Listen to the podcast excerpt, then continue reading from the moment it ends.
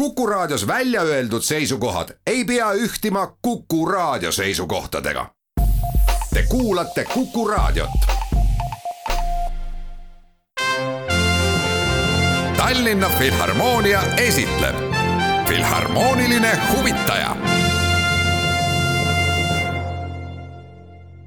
tere päevast, head kuulajad tänases saates me räägime Tallinna Kammerorkestri kunstilise juhi Tõnu Kaljuste ellu kutsutud kontsertsarjast Kõrvaring. sarja kolmas kontsert on siis kavas järgmisel nädalal reedel, üheksandal oktoobril Estonia kontserdisaalis. ja Tallinna Kammerorkestrit juhatab äsja ERSO peadirigendi ametisse asunud Olar Jelts. suur rõõm on teid tervitada Filharmoonilise huvitaja saates, tere tulemast! tere! Olari, kas teil jääb ERSO kõrvalt nii palju vaba aega, et muid muusikalisi rõõme otsida? No ma arvan, et äh,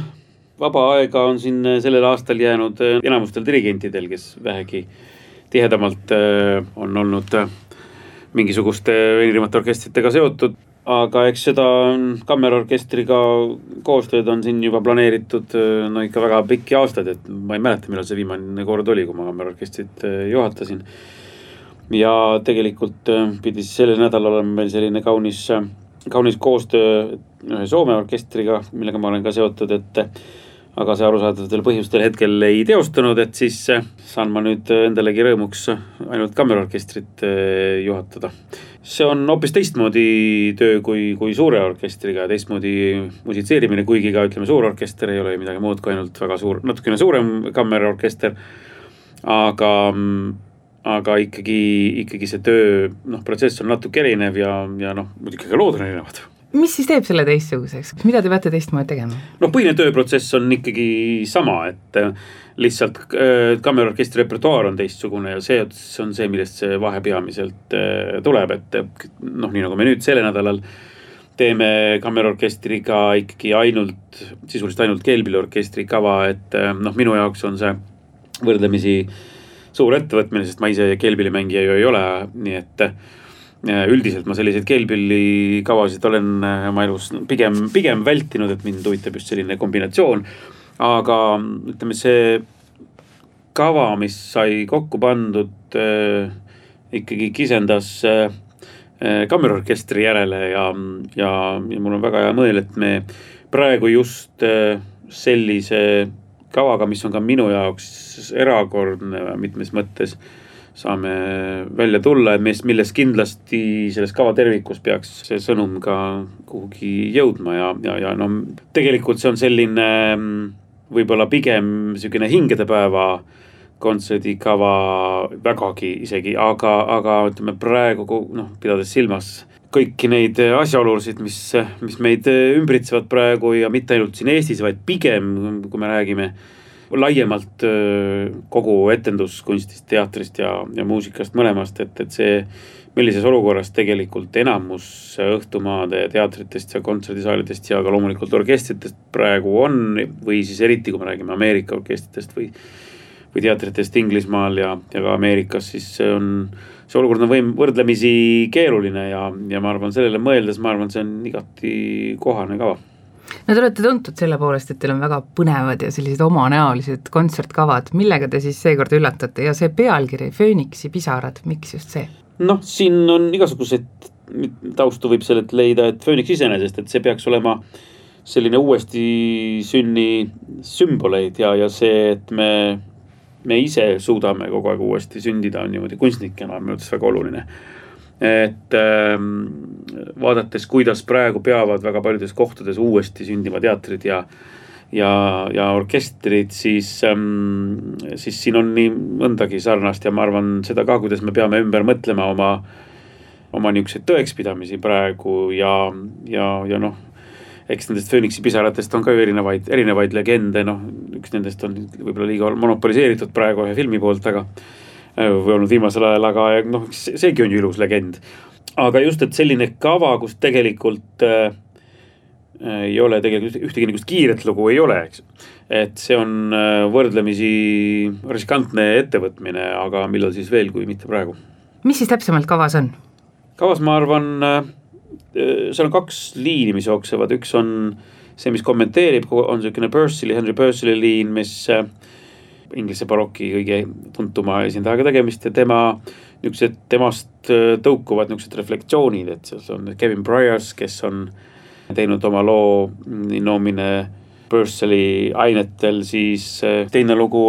Purcell'i Tiido lament, mis on, ma arvan, tema üks tuntumaid lugusid üldse ooperist. Tiido Einas ähm, kolmandast vaatusest ja, ja, selle on, on seadnud ähm, Stokowski, kes on ikkagi selline, ütleme, suure kelbili kõla ähm,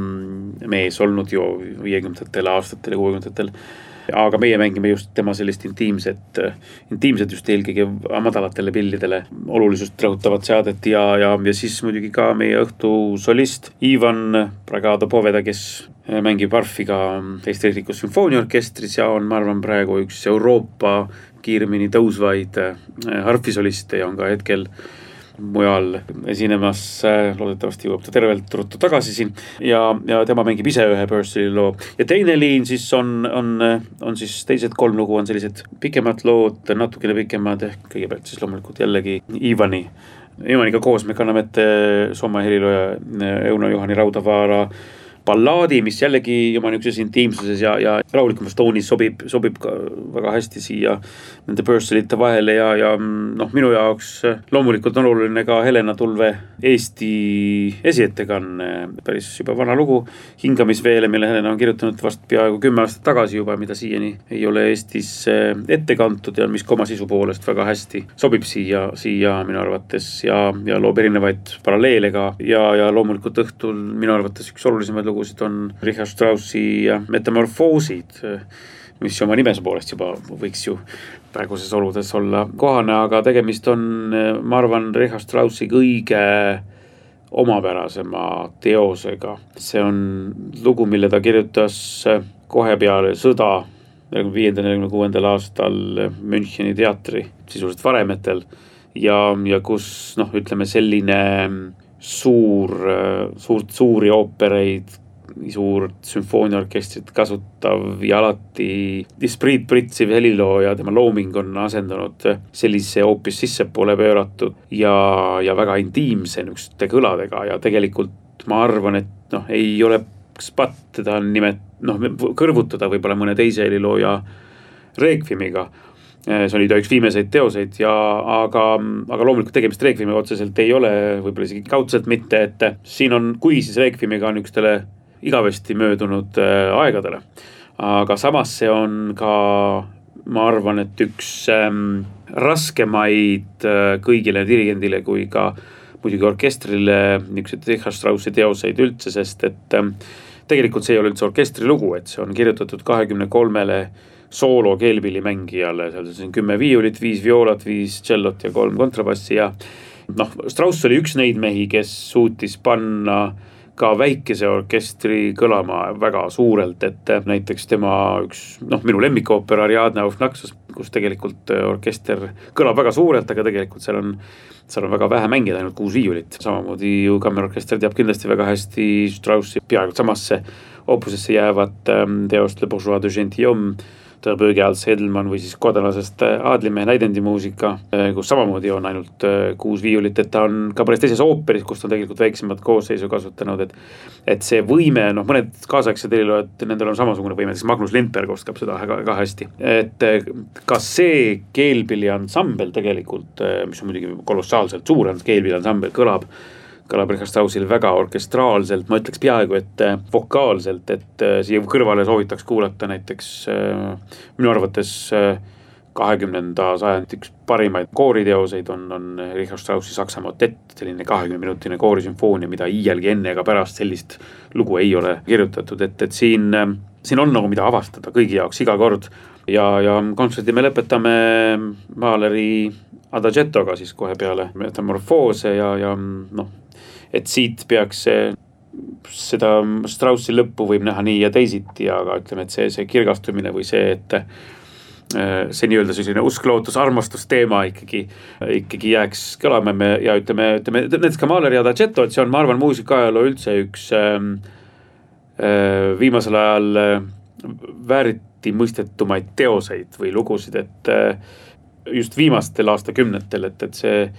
kuulus äh, film ju, mille taustaks ta, kus ta kogu aeg mängib, ehk siis Surm Veneetsias loomulikult. kõik need äh, niisugused resigneeruvad pildid sealt Liidolt Veneetsia poole ja kogu see sisu, eks ju. on sellest loost paljude teadvuses teinud sellise resignatsiooni või sellise, sellise traagilise loo, niisuguse sümboli loonud ja, ja noh, võib-olla ka ühest küljest oleneb, kuidas kuulatud, aga on ja ütleme ka näiteks, kuidas seda esitatakse, on väga erinev, et tegelikult Maaler ise ütles, et see peaks kestma üldse ainult seitse minutit, see lugu. noh, enamus salvestusi, mida tänapäeval on kuulda, kestavad peaaegu seitse, kaheksa, üheksa minutit isegi, mõni isegi veel rohkem, et tegemist on tegelikult hoopiski Maaleri kõige intiimsema armastuslauluga, võib-olla isegi Maaleri kõige erootilisema teosega. see on siis tegelikult armastuslaul tema naisele Almale, keda ta pööraselt armastas ja kes teda vist armastas natukene vähem. Aga see on rohkem sihuke freudilik teema muidugi, aga just see, et, et eh, kas seal, ütleme sellist laulvat teemat ikkagi naljalt ei leia tervest kahekümnenda sajandi orkestrimuusikast. Ja tegelikult ka sellel teemal noh, mida me kõik, noh, väga paljud meist, vähemalt muusikud kõik teavad, selle Adagetto teemal on tegelikult Mahler kirjutanud noh, ka enda jaoks sõnad Olar Jelts, mida te ise ootate nüüd sellelt Tallinna Kammerorkestriga koostööst ja, ja siis sellest kontserdist? noh, ma arvan kõike seda, mida ma just rääkisin et ma ikkagi, ma arvan, kohtun oma väga heade vanade sõpradega paljuski seal, keda ma ammu ei ole näinud äh,. väga paljusid ja orkester on väga palju muutunud kindlasti, väga palju noori mängijaid on tulnud ja tahaks nendega kangesti kokku saada ja see on noh, kammerorkestriga töötamine on selline teamwork, et just selline ühine musitseerimine on alati, mis noh, minu jaoks on kõige olulisemad ikkagi. kuigi kontsert on, on see, see väljund ja, ja kõik see, kus, millest ka publik osa saab ja mille nimel me ju seda teeme et rääkida nendest asjadest läbi muusika, mis meie jaoks on olulised, aga ütleme nii nagu ka mm, väga paljud äh, filmirežissöörid on öelnud, et nende jaoks ikkagi kõige nauditavam on just see protsess, kuidas tulemuseni jõutakse, on äh, kõige nauditavam ja seda ma muidugi ka ootan. Nii et siis kõik kuulajad, olete väga oodatud. üheksandal oktoobril kell üheksateist null null Estonia kontsertisaalis Kõrvaringi kontsertide sarjast Fööniksi pisarad. Tallinna Kammerorkestri ees on Olari Jelts ja veel on ju tulemas ka muusikapäev ja sel puhul annab Tallinna Kammerorkester esimesel oktoobril kell üks päeval Tallinna Linda Kivi kultuurikeskuses kontserti džässpianist Kristjan Randalu ja dirigent Kristjan Järviga. esitatakse Eesti muusikat. Olar Elts, ma väga tänan teid tulemast, ma soovin siis, et sellest tuleb üks selline natuke sume ja intiimne õhtu, nagu need palad ju ka on. et kõik läheks hästi, head kuulajad, ilusat päeva jätku! Tallinna Filharmoonia esitleb Filharmooniline huvitaja